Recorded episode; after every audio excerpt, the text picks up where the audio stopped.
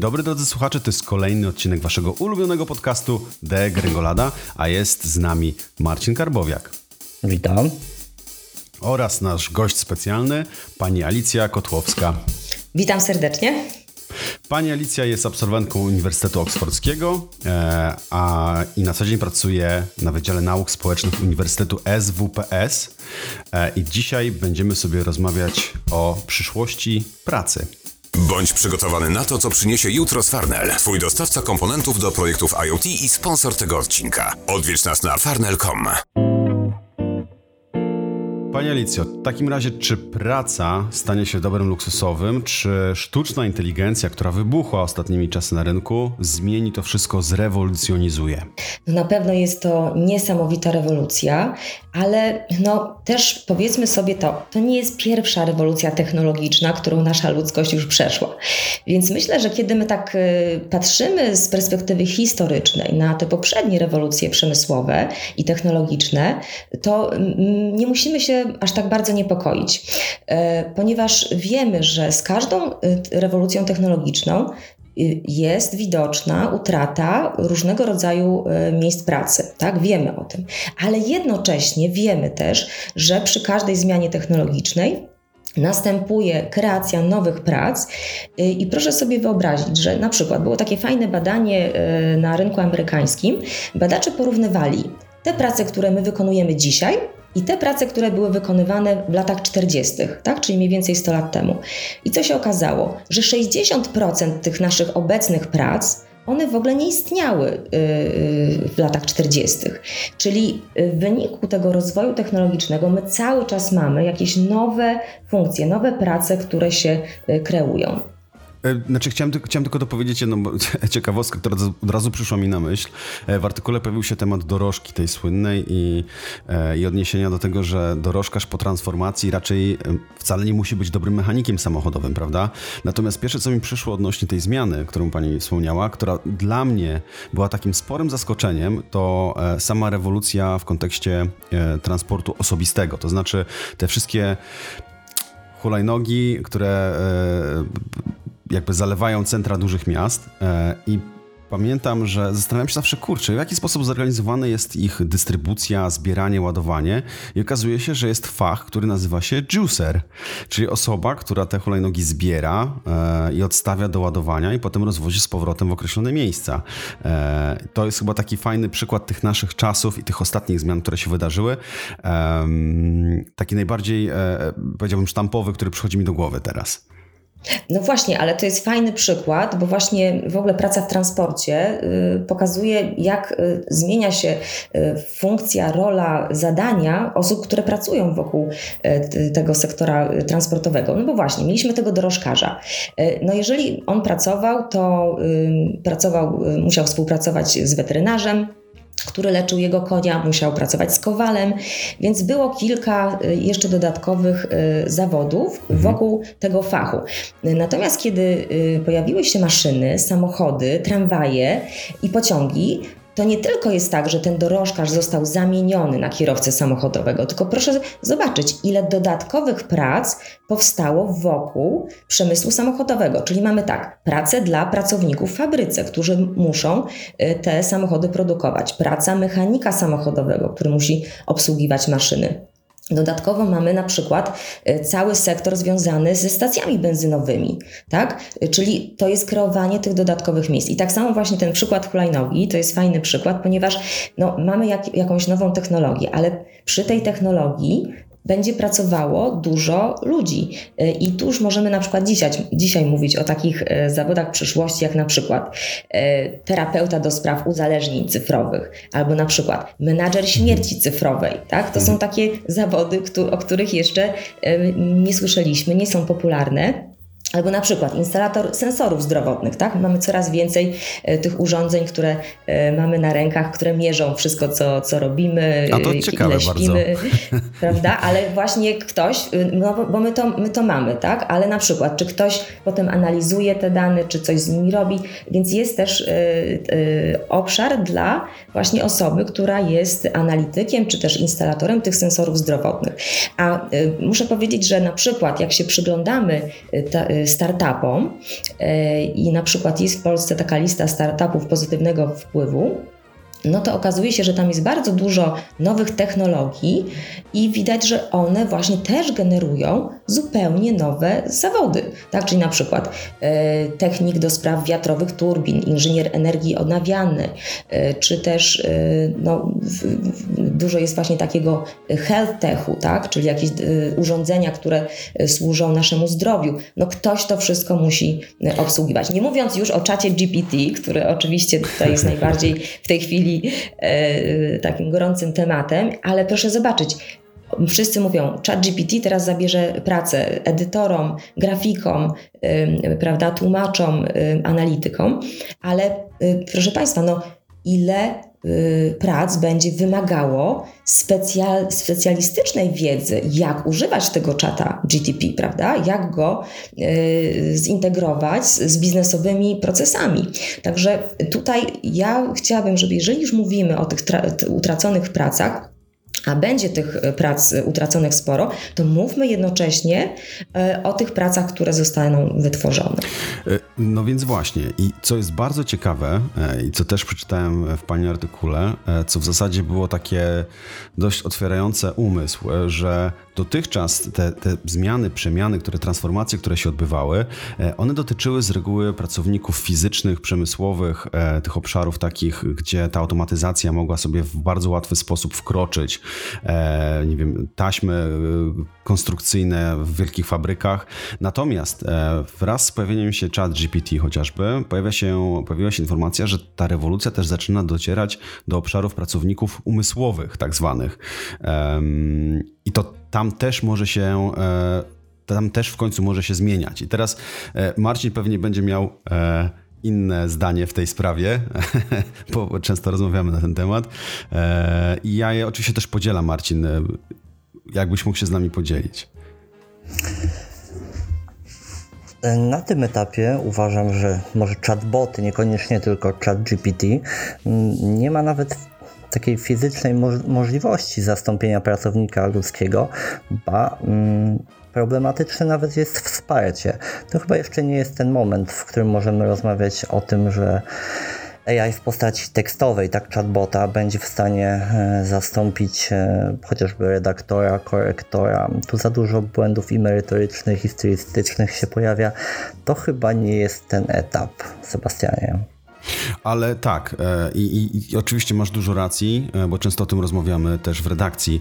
Natomiast to jest zawsze tak, zresztą teraz chyba z Apple Vision Pro też jest dość podobnie, że pojawia się nowa technologia, która przeciera szlaki, ale ona nigdy nie będzie w sposób stuprocentowy dopracowana. Ona wytyczy nowy trend, którym e, świat będzie podążał lub po prostu jakiś segment, branża, e, w którym ta technologia będzie pewnie udoskonalana. I ja szczerze, e, szczerze Wam powiem, że e, jakby trzymałem się od tego w zasadzie z daleka, niespecjalnie potrzebowałem, ale kiedy postanowiłem, że kurczę, piszę jakąś recenzję, napisałem tekst i poprosiłem chat GPT, podaj mi 10 zalet tego konkretnego sprzętu i zobaczyłem informację, którą dostałem powrotnie, to 8 czy tam 7 się pokryło, ale o trzech faktycznie zapomniałem, mimo tego, że byłem przekonany, że mam kompleksowy napisany tekst, e, a zapomniałem o bardzo kluczowych trzech rzeczach. E, I to są takie drobiazgi, które wspomagają i, i widzę w tym korzyść ogromną, natomiast e, musimy pamiętać chyba też trochę, że chat GPT, czy też w ogóle chatboty to jest to jest takie narzędzie, chyba nie wiem, czy to będzie uczciwe, jeśli tak powiem, agregujące treść zewsząd i wypluwające ją w sposób taki, jaki my potrzebujemy. E, chodzi mi tylko o to, że to nie jest coś, co tworzy w takim literalnym słowa znaczeniu nową, nową treść, tylko ją przekształca, tak można chyba ładniej powiedzieć. Zgodzisz się, Marcin? E, próbuję agregować, przy okazji redagować, przekazując w, na, w jak najprzystępniejszej formie, mm, aczkolwiek mimo hmm, posiadania bogatej bazy, chociażby darmowa wersja czatu GPT e, zawiera informacje do 2021 roku, hmm, z tym, że potrafi kłamać mylnie łącząc fakty, podając do, do dyspozycji użytkownika coś, co nie miało miejsca tak naprawdę. I tym zajmowałem się przez dobre kilka dni badając, jak to będzie wyglądać. Zresztą pojawi się u nas publikacja na ten temat. I to, to mnie martwi, niepokoi. Okej, okay. natomiast e, Pani Alicjo, nie wiem, czy Pani podziela też moją opinię, że e, mamy narzędzie, które może nie jest idealne, na pewno nie jest, tak jak Marcin wspomniał, ale na pewno wytyczy jakiś trend. E, I czy możemy tutaj mówić o, o zagrożeniu, zagrożeniu zawodów związanych z pracą umysłową? O, jakkolwiek by to e, nie, dziwnie nie zabrzmiało. No właśnie, ja bym unikała tego e, stwierdzenia zagrożenie, e, ponieważ wiemy, że no, te prace ulegają transformacji, czyli osoby, tak jak my, prawda, mhm. Nie znaliśmy czata GPT jeszcze pół roku temu, ale proszę bardzo, już się nauczyliśmy, już wiemy, jak wykorzystywać te nowe narzędzia. Czyli tutaj kluczowe jest to, czy my jako pracownicy mamy taki skill set, taki, taki zestaw umiejętności, który pozwoli nam nabyć te nowe umiejętności związane z wykorzystaniem sztucznej inteligencji. No bo na koniec, proszę Państwa, no to jest jednak tylko narzędzie. I myślę, że dopóki człowiek będzie wykorzystywał czata GPT czy jakichś innych technologii, o których jeszcze nie wiemy, że powstaną, jako narzędzie, a nie jako e, taki instrument, który ma służyć eliminacji e, pracowników, e, to tutaj nie ma, nie ma tego zagrożenia. Myślę, że tutaj nawiązując do tego, co, co Marcin powiedział właśnie o, o tych y, nieprawdziwych y, treściach, y, one rzeczywiście się zdarzają, nazywają się halucynacjami. Mhm. Ja pracuję ze, ze studentami właśnie na czacie GPT testujemy, no bo też w sektorze edukacyjnym chcemy się dowiedzieć, jak to wykorzystać, tak? No bo my wiemy, że studenci sami bardzo intensywnie korzystają z tego do pisania różnego rodzaju prac no i, i chcemy, chcemy wiedzieć, jak jak to efektywnie wykorzystywać.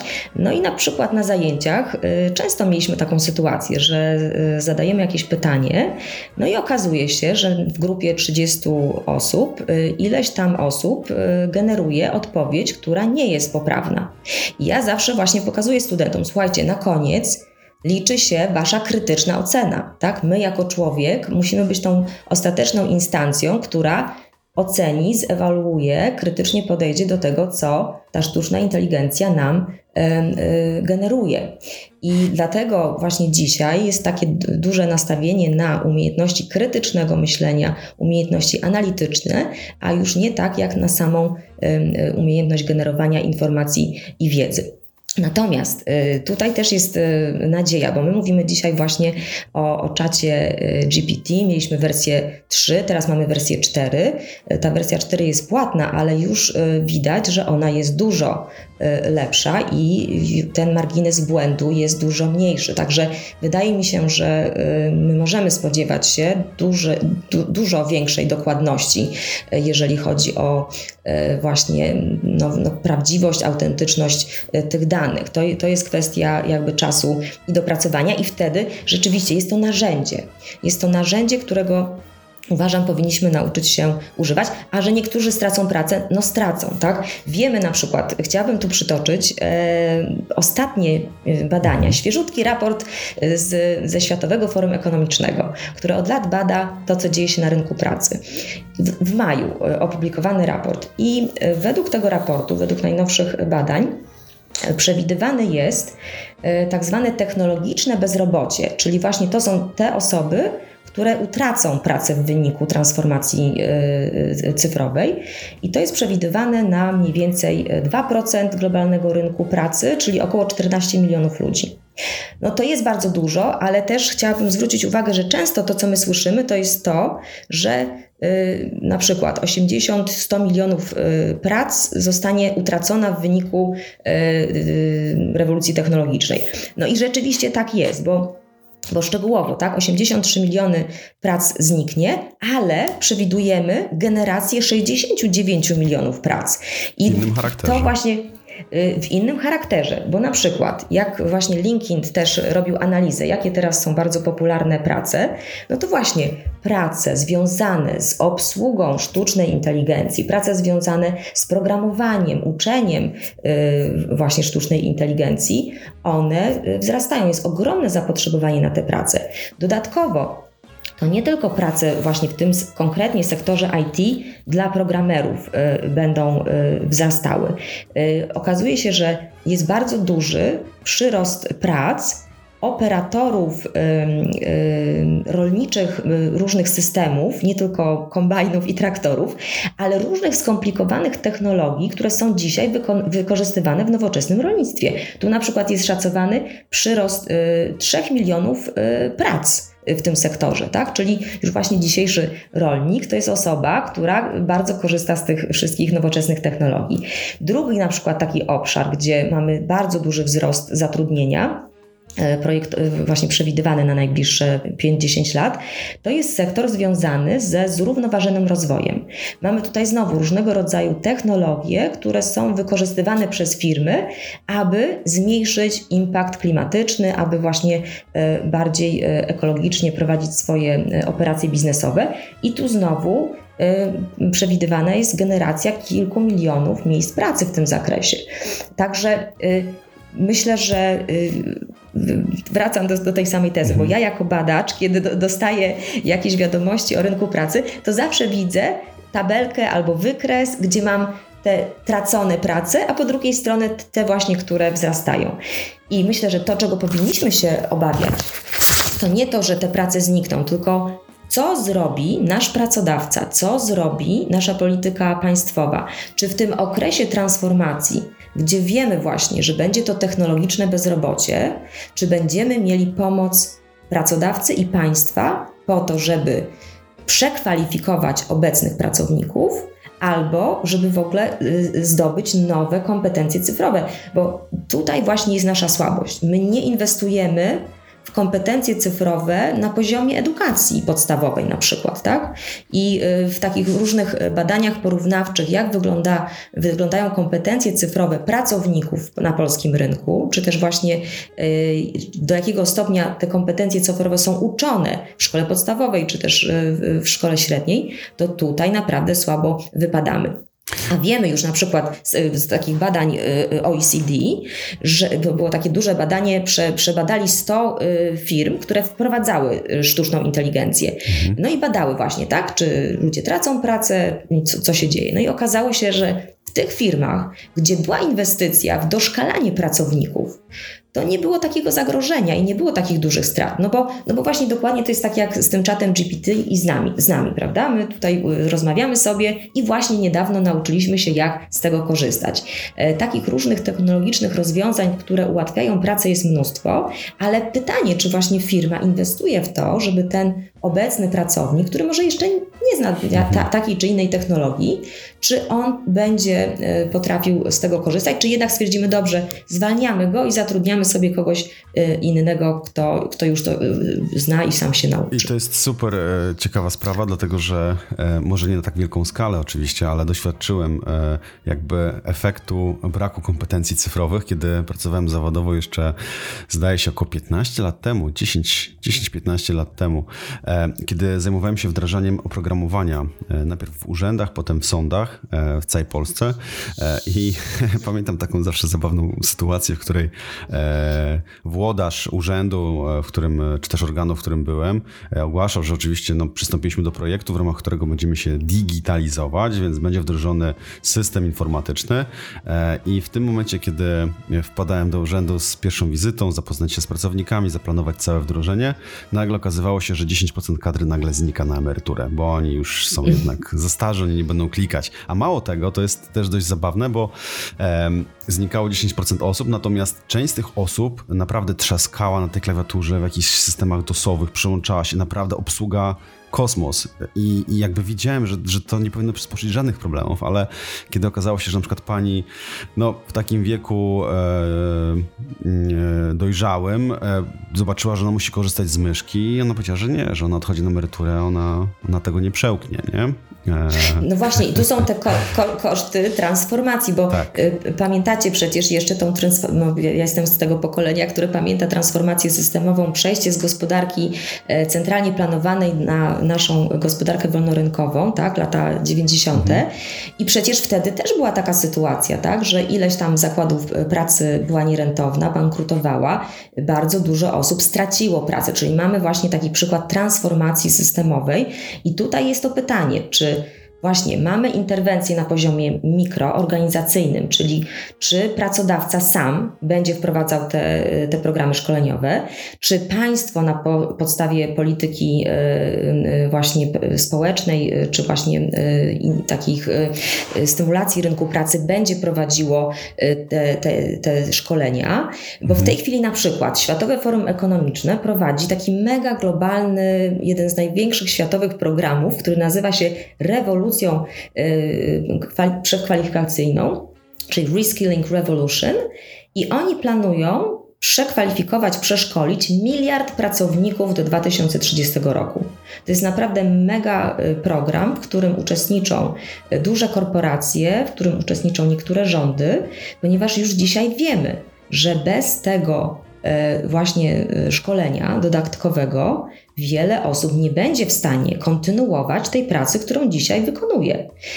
I tutaj mówimy nie tylko właśnie o tych pracach prostych, powtarzalnych, tych żmudnych, związanych z mhm. pracą na taśmie produkcyjnej, tylko właśnie tych, tych pra pracach intelektualnych, bardziej wymagających, bo one coraz częściej będą właśnie wymagały użycia technologii. W ogóle mówiąc o przyszłości, Y, widzimy taki nowy nurt w literaturze biznesowej, y, czyli współpraca człowiek-maszyna, hybryda człowiek-maszyna. Mamy już bardzo dużo y, publikacji, jak zarządzać człowiekiem i maszyną w miejscu pracy.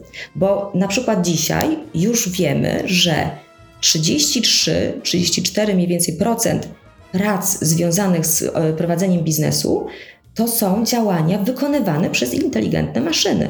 A w niektórych y, jakby y, takich specjalizacjach, czyli na przykład wprowadzania danych, czy też analiza prostych danych, to właściwie już 70% tych czynności jest wykonywana przez maszyny. Y, czyli my musimy nauczyć się na poziomie biznesów, firm, jak zarządzać ludźmi i maszynami. Musimy rozdzielić, co będzie wykonywał człowiek, co będzie wykonywała maszyna, bo jak na razie my no, jesteśmy, e, to wszystko dzieje się bardzo szybko, tak? W związku z tym e, nie ma czasu też na jakąś taką analizę właśnie, co to, co to oznacza. I dlatego y, edukacja w kompetencje cyfrowe, podstawowa sprawa, mhm. Y, programy szkoleniowe na poziomie mikro i makro, to są ważne sprawy. No i trzecia sprawa, regulacje, tak? No bo rzeczywiście ta e, generatywna AI jest jeszcze nieznana, i w związku z tym aspekty etyczne, aspekty na przykład y, prawne związane z tym, czy y, AI powinien mieć osobowość, osobowość prawną. Tak? Toczy się taka dyskusja y, w, w komisjach w Unii Europejskiej, ponieważ no jest takie pytanie, jeżeli mamy coraz częściej stosowane algorytmiczne zarządzanie, czyli mamy taki zawód jak robobos, Czyli mamy nie człowieka, który mówi nam, jakie zadanie człowiek ma wykonać, tylko mamy właśnie algorytm, który rozdziela automatycznie te zadania. No i teraz wyobraźmy sobie, że ten RoboBoss, algorytm, powiedział jakiemuś pracownikowi, że ma pójść tam właśnie na jakieś trzecie piętro y, budynku i coś tam sprawdzić. Mhm. Ale niestety dochodzi do wypadku i ten, ten pracownik, y, nie wiem, łamie nogę albo w ogóle spada z trzeciego piętra. Kto jest za to odpowiedzialny? Tak? Tu jest pytanie właśnie o tą odpo- odpowiedzialność i granice, do jakiego stopnia my powinniśmy dać y, tym właśnie algorytmom i sztucznej inteligencji prawo decydowania o tym, co robią ludzie. Bo zobaczcie Państwo, no platformy, praca na platformach jest już y, bardzo popularna, ale właśnie na platformach mamy typowy przykład tego zarządzania algorytmicznego. Czyli tam nie ma człowieka, to jest trochę tak jak w Uberze, prawda? Czyli ten y, kierowca dostaje zlecenie, to nie jest y, zlecenie, które człowiek mu przekazuje tak? Jeżeli coś by się e, wydarzyło, y, no tutaj nie mamy tego właśnie e, elementu ludzkiego. I teraz na przykład właśnie Unia Europejska, która niedawno e, wystosowała agendę Przemysł 5.0, tam właśnie y, alarmuje, tak? I na, nawołuje do tego, że y, przyszłość biznesu powinna być ludzkocentryczna, tak? Tu chodzi Mimo o human-centered y, technology, dokładnie, czyli my musimy wrócić trochę, bo jesteśmy zachłyśnięci tą technologią, co ona może dla nas zrobić, właściwie wszystko może dla nas zrobić, ale musimy wrócić do podstawowego pytania.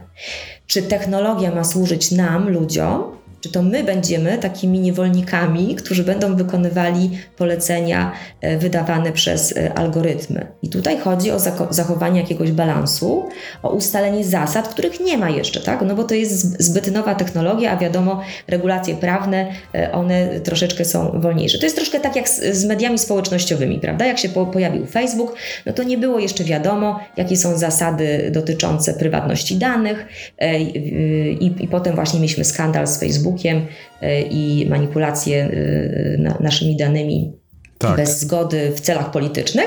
No i wtedy zaczęło się właśnie e, investigation, co to wszystko oznacza. I dopiero wtedy regulacje właśnie, które chronią nasze prawa jako prawa konsumentów. Myślę, że ze sztuczną inteligencją będzie podobnie. Z tym generatywnym AI będzie tak, że no, rzeczywiście muszą być ustalone ramy prawne, co jest etyczne, kto ma na tym skorzystać, jakie są ograniczenia. E, No, nawet na uczelniach wyższych my w tej chwili się z tym borykamy, no bo są uczelnie, które zakazują używania czata GPT, bo uważają, że to prowadzi do plagiatów, a są takie, które uważają, że no jednak powinniśmy e, nauczyć się pracować z tymi narzędziami i oczywiście nie do pisania prac zaliczeniowych, ale jako narzędzie, z którego i tak młodzież korzysta. I Bo jak ja na pierwszych tak. I będzie korzystać, tak, no bo no, dlaczego nie, tak, no jest to rzeczywiście narzędzie y, rewolucyjne. Ale to tak samo Także, bardzo y, podobnie było, e, że przerwę, przepraszam, e, wspomniała Pani o, o mediach społecznościowych. Ja myślę, że jeszcze bardziej gwałtownie, e, tak w perspektywie czasu, e, wydarzyło się, e, zaszły zmiany w kontekście dronów. E, Drony się pojawiły nagle znikąd, e, rynek zaczął się tłuc o, o miano lidera, te sprzęty były coraz bardziej zaawansowane, mające coraz więcej możliwości i tak naprawdę ja jeszcze pamiętam jak dziś, to dość niedawno, bo to kilka lat temu, e, zrobiła się tak wolna amerykanka, że każdy tym dronem latał jak chciał, gdzie chciał, bez żadnych ograniczeń, a regulacje przyszły dopiero e, za jakiś czas. E, I teraz ten rynek już jest fajnie uregulowany, bo trzeba mieć licencję, trzeba, są jakieś e, e, kwestie względy bezpieczeństwa, jak tymi dronami, jakimi latać e, z podziałem na, e, na, na ich wagę.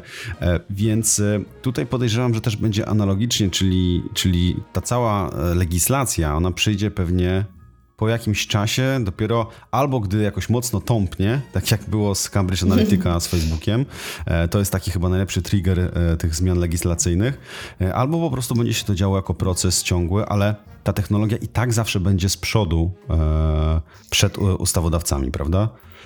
No zawsze tak będzie, no bo rzeczywiście na tym polega innowacyjność, tak? że, że, że coś jest nowego e, generowane, no i potem trzeba się e, zastanowić, jak to używać, jakie są zasady i no jest tutaj dużo zagrożeń. Oczywiście to, to, to są sprawy, które no, wymagają na pewno pochylenia się, ale myślę, że ta przyszłość pracy, tak jak moje, moje dzieci w szkole podstawowej przychodzą i mówią, no mamo, no, czy, czy ja będę miała w ogóle jakąś pracę e, w przyszłości? Ja mówię, no ale dlaczego? No, no bo ty tak piszesz o, o tych robotach, o tej sztucznej inteligencji, no to, to, to jaka praca dla mnie zostanie? Ja mówię, oczywiście, że będzie praca, będzie bardzo dużo ciekawej pracy, bo ja uważam, że jeżeli człowiek jest w stanie wymyśleć e, taki wynalazek jak sztuczna inteligencja i generatywny AI, czy GPT, to będzie również w stanie wymyślać nowe, ciekawe prace i dodatkowo wiemy, że tak będzie z analizy historycznej tego właśnie, jak zmienia się rynek pracy. E, No, we- wróćmy do tych, do tych właśnie e, kierowców samochodowych, do dorożkarzy, prawda? E, Oni stracili pracę, pojawili się potem kierowcy samochodowi, no a dzisiaj znowu mamy problem, ponieważ jest zagrożenie, że ci e, kierowcy zostaną zastąpieni przez autonomiczne samochody. Co się już Jest dzieje to w Stanach. kolejna, co się już dzieje w Stanach, a w Stanach y, rynek właśnie y, pracy dla kierowców zawodowych to jest ponad 3 miliony ludzi, tak? Czyli mówimy tutaj naprawdę o dużej grupie, która może no, stracić pracę. No i teraz tak, z jednej strony wiemy, że jeżeli zniknie ta praca, no to pojawi się nowa praca, na przykład osoby obsługujące te autonomiczne samochody. No bo przecież to nie jest tak, że wyprodukujemy te samochody i one same sobie będą w nieskończoność funkcjonować. Tak? No ktoś będzie musiał je programować, ktoś będzie musiał je konserwować. To są znowu nowe prace dla tych ludzi. Czy będzie ich tyle samo? No tego nie wiemy. Tak? Natomiast jest to efekt pozytywny. Negatywnym efektem oczywiście jest to, że w, w, ramach tych, e, tej grupy e, kierowców, w ramach tego 3, 3, 3 milionów, na przykład w Stanach Zjednoczonych, na pewno będą osoby, które nie będą chciały się przekwalifikować, albo będą chciały, ale nie będą potrafiły. Bo też umówmy się, y, nie każdy dorożkarz przesiadł się od razu na samochód, tak? Z konia prawdziwego na koń mechaniczny. I nie każdy y, kierowca ciężarówki zacznie nagle y, pisać algorytmy, programować, rozwijać aplikacje i w ogóle nauczy się funkcjonować w świecie AI, tak? Nie możemy tego wymagać. W związku z tym znowu wracam do tego, jak ważna jest opieka e, polityki państwowej, która zapewni, że te właśnie technologiczne bezrobocie w okresie transformacji, które będzie skutkowało na życie tych konkretnych osób, tak? czyli tych konkretnych kierowców, którzy w ramach swojej, swojej, swojego zawodu nagle się okaże, że nie mają tej pracy. Tak? To są y, tragedie życiowe czasami i myślę, że tutaj ja chciałabym widzieć na pewno większe zaangażowanie związków mhm. zawodowych, czy właśnie polityki y, prospołecznej, która ochroni tych pracowników, którzy będą y, mieli trudność z przekwalifikowaniem się. I tutaj pojawia się, jedno, czy... przepraszam mhm. Panią Alicjo, tutaj pojawia się temat e, BDP, czyli tego bezwarunkowego dochodu podstawowego, prawda? To jest też bardzo interesujący temat, tak. który jest pilotażowo wprowadzony chyba nawet w Polsce, z tego co widziałem. Y, tak, jest prowadzony w Polsce, y, jest prowadzony właściwie mm, już od wielu lat w kilkunastu krajach, a w czasie pandemii y, koncepcja tego, tego pomysłu, czyli bezwarunkowy dochód, czyli każdy obywatel dostaje jakąś minimalną kwotę, która pozwala mu na przeżycie, czyli na opłacenie podstawowych y, y, opłat mieszkaniowych, jakieś podstawowe jedzenie. To w Polsce teraz obliczono na, na wysokości 1500 zł i żeby to było dla każdego, tak, dla każdego obywatela. No jest to koncepcja, która jeszcze, tak jak pamiętam, na studiach y, była w nurcie y, bardzo ekstremalnych y, rozwiązań ekonomicznych, budzących raczej uśmieszek niż wyda mhm. wydawających się na realną koncepcję, to tak właśnie w czasie pandemii były robione badania w Unii Europejskiej. Okazało się, że 70% Europejczyków popiera takie rozwiązanie. Są za tym, ponieważ to właśnie w czasie pandemii mieliśmy okazję, y, może nie wszyscy, ale w wielu krajach były y, bezzwrotne dopłaty dla osób, które nie pracowały w czasie pandemii, tak? Nie tak. pracowały, był kryzys, ale te pieniążki dostawały. No i kiedy raz już y, doświadczy się takiej, takiego dobrodziejstwa, no to potem właśnie ludzie zmieniają świadomość i perspektywę i w związku z tym teraz jest duże poparcie. Jest nawet taka wielka e, inicjatywa obywatelska, e, która zbiera podpisy, żeby właśnie zaproponować legislację do Unii Europejskiej, także jest to taki duży, duży ruch społeczny. Ludzie są, są tam zainteresowani. Między innymi są zainteresowani, no bo właśnie słyszy się o tym, że tej pracy będzie coraz mniej, że tą pracę za, zabiorą roboty. No i w związku z tym jest e, właśnie pytanie, czy ten bezwarunkowy dochód podstawowy nie jest jakimś rozwiązaniem dla ludzi, którzy no być może utracą tą pracę w, w okresie y, transformacji cyfrowej. No i tutaj jakby zmierzamy do tego, że też chyba zgodnie z tym modelem change managementu, czyli zarządzania zmianą, e, przy pierwszym, e, w pierwszym kroku zawsze jest ten efekt szoku. E, zdaje się, że potem jest adaptacja i pogodzenie się.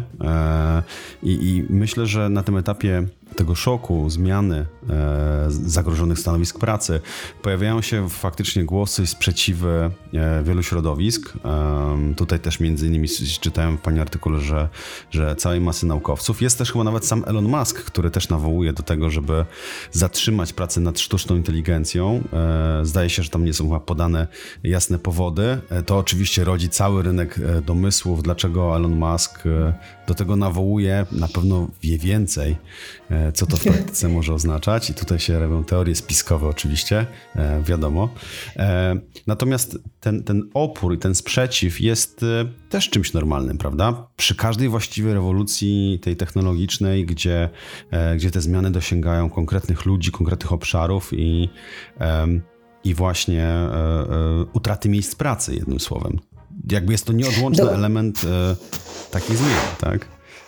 Oczywiście i e, no, jeszcze 100 lat temu, no to właśnie jak były e, te zmiany rewolucyjne w czasie rewolucji przemysłowej, no to mieliśmy strajki, mieliśmy niszczenie maszyn, prawda, mieliśmy takie drastyczne e, kroki. Ludzie boją się zmiany, tak, jak, tak dokładnie tak jak Pan powiedział, boją się czegoś nowego. A co jest trudne? Żyjemy w takich czasach, gdzie nie tylko mamy nową technologię, ale tutaj chodzi też o szybkość zmian. My w zasadzie jesteśmy zarzucani tymi nowymi rozwiązaniami technologicznymi tak szybko, że mm, jako społeczeństwo mm, czy jako organizacje my często nie jesteśmy w stanie skonsumować jednej technologii, a już pojawia się następna. I to jest bardzo duże wyzwanie i to jest trudne. I myślę, że e, tutaj myślę, że nie ma spiskowej teorii, jeżeli chodzi o, o, o Maska czy o, o te protesty, bo tutaj nie chodziło o to, żeby, żeby zatrzymać, tu chodziło o to, żeby troszeczkę spowolnić. Tak? Tutaj chodziło o przerwę na 6 miesięcy, e, co myślę nie jest możliwe, e, tak? no bo jeżeli była, miałaby być przerwa, to musielibyśmy mieć taką sytuację, że wszyscy na świecie powstrzymują się od tego, co jest niemożliwe. Chociaż muszę powiedzieć, że na przykład pamiętamy wszyscy niezwykłe odkrycie naukowe, kiedy E, udało się e, naukowcom sklonować owieczkę Doli. Prawda? To mhm. było już e, ponad 20 lat temu. Niesamowite odkrycie, niesamowite możliwości, no ale co się stało? No dzisiaj nie klonujemy ani zwierząt, ani ludzi, tak? Pomimo tego, że naukowo, medycznie, możliwe. technologicznie jest to możliwe, ale jednak była pełna zgoda ludzkości, tak? ludzie, y, naukowcy, instytucje zgodzili się z tym, że nie chcemy widzieć na ulicy własnych klonów. Tak? Zgodzili się z tym, że zagrożenia wynikające z wprowadzenia takiej, y, takiego y, właśnie odkrycia, wynalazku, po pierwsze są nieprzewidywalne, i są zbyt niebezpieczne. Ja myślę, że, ten, e, że to, ta prośba, ten apel o wstrzymanie, pod którym no nie tylko Elon Musk się podpisał, ale wielu e, wybitnych naukowców, to troszeczkę jest e, taka prośba o to, żeby dać nam więcej czasu na to, żeby w ogóle zastanowić się, po co jest nam ta sztuczna inteligencja, jak chcemy ją wykorzystać jakie są zasady kontroli i regulacji, mhm. no bo my nie możemy zostawić tego tak zupełnie na, na wolnym rynku i że jakaś tam właśnie mała firma, na koniec OpenAI to nie jest jakaś mega, mega duża firma, więc y, kilkanaście czy kilkadziesiąt osób będzie decydowało o technologii, która naprawdę może wpłynąć na, na całą ludzkość, tak? Więc ja myślę, że to jest taki właśnie mm, apel i pytanie, o sens, o filozofię, tak? I o w ogóle, no, y, kim my jesteśmy tutaj jako ludzie, mhm. skoro nagle stworzyliśmy sobie partnera, który jest, y, no, prawie że równorzędny, jeżeli chodzi o kognitywne umiejętności. I to jest sprawa na pewno wymagająca zastanowienia. Ja wolałabym też, żebyśmy mieli więcej czasu, żebyśmy mogli tak na spokojnie, prawda? Się, I, i zastanowić się, bo, bo, bo tak jak mówię, z owieczką Doli, z klonowaniem udało się, tak? Nie klonujemy. Być może gdzieś są jakieś tajne laboratoria e, w różnych e, krajach, gdzie może jeszcze kontynuują takie, takie prace, ale jest to nielegalne. Natomiast jeżeli o chodzi o sztuczną inteligencję, e, są takie osoby, które też właśnie chciałyby, żeby zakazać, ale wydaje mi się, że ponieważ sztuczna inteligencja już w tej chwili jest tak zintegrowana z naszymi e, codziennymi e, technologiami, które używamy e, każdego dnia, że trudno by nawet to odseparować, prawda? Jakieś algorytmy od generatywnej AI, to już jest w systemie. Także, także no, musimy się zaadaptować, ale też bronić prawa pracownika, bronić mhm. tego, że na koniec, no to my jeszcze cały czas jesteśmy decyzyjni i tak powinno zostać. To człowiek, E, pracujący z maszyną jako narzędziem. E, to powinna być e, ta, ta nasza Jasne. filozofia przyszłości. Bo na przykład ja, ja o technologii zawsze mówię, podając przykład noża. Tak? Czym jest nóż? Jeżeli się zapytamy, czy nóż to jest pozytywne narzędzie, czy negatywne narzędzie?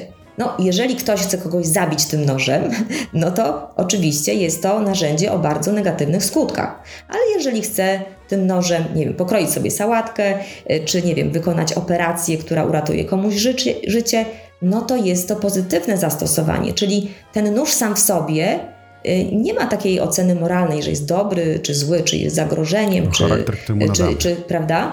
Tylko chodzi o to, co my jako ludzie zrobimy z tym narzędziem. I to samo dotyczy technologii. Moim zdaniem technologia nie jest zła, nie jest zagrożeniem. Zagrożeniem jest to, jak my, ludzie, będziemy ją wykorzystywać. Jasne. E, Pani Alicja, czyli ja pozwolę sobie to podsumować, o czym rozmawialiśmy e, już przy końcu naszej rozmowy. E, to przede wszystkim pierwszy wniosek jest taki, że my ludzie z IT jesteśmy bezpieczni. To jest bardziej Oj, niż tak. pewne. ale, ale moment, moment. Bezpieczni, o ile będziecie się cały czas dokształcać. Tak. Bo ta technologia, którą używacie dzisiaj, ona za 3 lata też się zmieni. Oczywiście. Czyli tu jest ważny ten właśnie lifelong learning skills, czyli to, żeby cały czas się szkolić i pytanie właśnie, czy y, pracodawca, y, który Was zatrudnia, zainwestuje w te nowe szkolenia. Żeby się to wydarzyło. Ja, ja jestem też fanem takim, znaczy nie wiem na ile to jest teoria, na ile to nie jest teoria, praktyka, czy też y, cecha, że zawsze jak byłem nieco młodszy, e, spotykałem się z tym, że nie wiem, członkowie mojej rodziny, jacyś wujkowie czy ciotki byli strasznie pozamykani na technologię. Oni nie wiedzą, jak to zrobić, zrób to za mnie, ja tego nie chcę wiedzieć, nie chcę się tego nauczyć. I pamiętam, zawsze sobie obiecywałem, że kurczę, że nie chcę skończyć w takiej sytuacji, e, że też będę powiedzmy już odpowiednio starszy i, i też będę już traktował technologię na zasadzie nie, zróbcie mi to, ja nie chcę tego wiedzieć, nie chcę tego rozumieć, to jest dla mnie za skomplikowane. E, I de facto często się łapałem na tym, już nawet kilka ładnych lat temu, że kiedy pojawiały się nowe narzędzia, pamiętam e, pierwszym momentem był Snapchat, który się pojawił i zdobył ogromną popularność, to już miałem taką, e, taką postawę w stylu kurczę, no ja nie chcę tego rozumieć, to jest dla mnie bez sensu, ja nie chcę tego poznawać. I wtedy zapalała się lampka, zaraz, zaraz. Jeżeli będę miał taką, takie stanowisko, to skończę dokładnie jak mojej wujkowie i ciotki, nie? Nie będę chciał tego dotykać, bo ten, ten, ten taki dług technologiczny mnie zrobi się tak wielki, że będzie już za późno, żeby się do tego adaptować i do tych zmian, które następują, więc śledzę, czasami mi nie mam ochoty rozumieć, poświęcać czasu, ale wiem, że to jest właśnie ta ewolucja, którą, z nurtem której muszę płynąć, żeby właśnie nie skończyć w takim scenariuszu. E, ale e, rozgad... No właśnie ten dług, dług technologiczny to fajne, fajne pojęcie, bo rzeczywiście to pokazuje, że jeżeli będziemy odkładać to update'owanie się, to już się wszystko tak, tak pozmienia i zdektu... zdek... Y, już nie będzie aktualne, że naprawdę nie nadążymy za tym. Także rzeczywiście dług technologiczny hmm. bardzo, bardzo fajny. Jasne. Jasne. Drugi wniosek jest taki, że musimy, znaczy przede wszystkim, że, że to, co się dzieje, ta zmiana, rewolucja, transformacja, to, e, to nie jest coś, na co powinniśmy patrzeć przez pryzmat zagrożenia, ale raczej może nawet szansy, e, bo wymienimy jedne stanowiska pracy na drugie najpewniej. E, oczywiście trzecim wniosku, czy też w kolejnym, e, musimy być na to gotowi. E, tak jak pani wspomniała, ze wsparciem e, rządu, państwa, które będzie, no mówiąc w skrócie, pompowało pieniądze w tą przemianę, to przygotowanie się do tych zmian, ale też na przykład, o tym nie wspomniałem, tak jak pani wspominała, też wydaje mi się, że tutaj jakby segment edukacji powinien się dostosować do tego, co faktycznie dzieje się technologicznie także na rynku. Oj, bardzo, bardzo zgadzam się i naprawdę y, no, chciałabym, żeby działo się więcej. Chciałabym, żeby były większe inwestycje, bo nawet na poziomie tej szkoły podstawowej, no, dzieciaki nasze w polskich szkołach nie mają tych komputerów na co dzień. E, ja na przykład moim e, dzieciom e, od chyba 5-6 roku życia wprowadziłam taki program do uczenia się pisania, tak? bo one chciały grać w gry komputerowe. Ja mówię, słuchajcie, tu jest bardzo fajna aplikacja, taka dla dzieci, można się, można się uczyć jak, jak, jak pisać, ale to powinna być podstawowa umiejętność, która jest w szkole, tak? Otóż to. My nie mamy. No i właśnie, i tutaj jest bardzo dużo do zrobienia i to na każdym poziomie, i zarówno szkoła podstawowa, y, i zarówno właśnie e, licea. E, no my na Uniwersytecie WSWPS staramy się jak możemy wprowadzać te nowoczesne technologie. Ja prowadzę między innymi zajęcia z cyfrowego biznesu, więc no na pewno tutaj już przygotowujemy na to. Na przykład na jednych zajęciach mamy cały, całą taką sesję o tym, jak pisać aplikacje, których nie czyta już człowiek, tylko czyta właśnie inteligentna maszyna, więc te CV dzisiaj piszemy w zupełnie inny sposób. No i to są właśnie właśnie te cyfrowe umiejętności, które powinny się znaleźć w programie edukacyjnym. Czyli myślę, że e, zamykając naszą rozmowę, interesującą rozmowę, e, czy praca stanie się luksusem? Wydaje mi się, że odpowiedź jest dość prosta, że ta praca i charakter będzie się zmieniać, e, ale luksusem chyba dalej ona nie będzie tylko czymś e, po prostu przystępnym. My musimy być na nią e, gotowi i zaadaptowani, jeśli jeśli e, się pani ze mną zgodzi. Pełna zgoda, no i mam nadzieję, że może jak za jakiś czas się y, spotkamy, to może będzie jakaś nowa ciekawa technologia, y, jeszcze ciekawsza niż ChatGPT, która znowu nam wszystko poprzewraca i będziemy mogli y, też zastanowić się, co to, co to oznacza dla naszych firm i dla pracy. I to na pewno się wydarzy w najbliższym czasie, bo podejrzewam, że wielkie, wielkie molochy technologiczne Google, Microsoft nie odpuszczą tematu jakiejś niewielkiej firmie OpenAI, więc e, myślę, że rynek będzie zmierzał mocno i tam batalia będzie trwała, podejrzewam, e, którą niestety mam takie podejrzenie i obawę, że na końcu i tak jeden z gigantów e, wygra, patrząc na jakby to, jakich narzędziach posiadaniu, jakich budżetach posiadaniu jest. E, to jest tylko moim zdaniem niestety, albo stety, kwestia czasu, bo oczywiście użytkownik wybierze zawsze to narzędzie, które będzie dla niego najlepsze. E, a takim przykładem, wydaje mi się tego, e, na potwierdzenie tej tezy jest to, co wydarzyło się chociażby ze Slackiem. Pojawił się narzędzie, które było świetne, zrewolucjonizowało sposób komunikacji w sieci, pracy. My korzystamy w Daily Webie chociażby z niego. No i oczywiście giganci zaspali, ale poodrobili pracę domową i Teams zjadł wszystkich od Microsoftu w końcu, nie? E, siłą no rzeczy. Tak. Super. Panie Alicjo, bardzo dziękujemy za super interesującą rozmowę. No to ja dziękuję bardzo, że mogę w końcu właśnie troszkę zmienić tą narrację i mówić o tych pozytywach, Oczywiście. o tej kreacji i o tym, żebyśmy się nie bali. Jasne, super.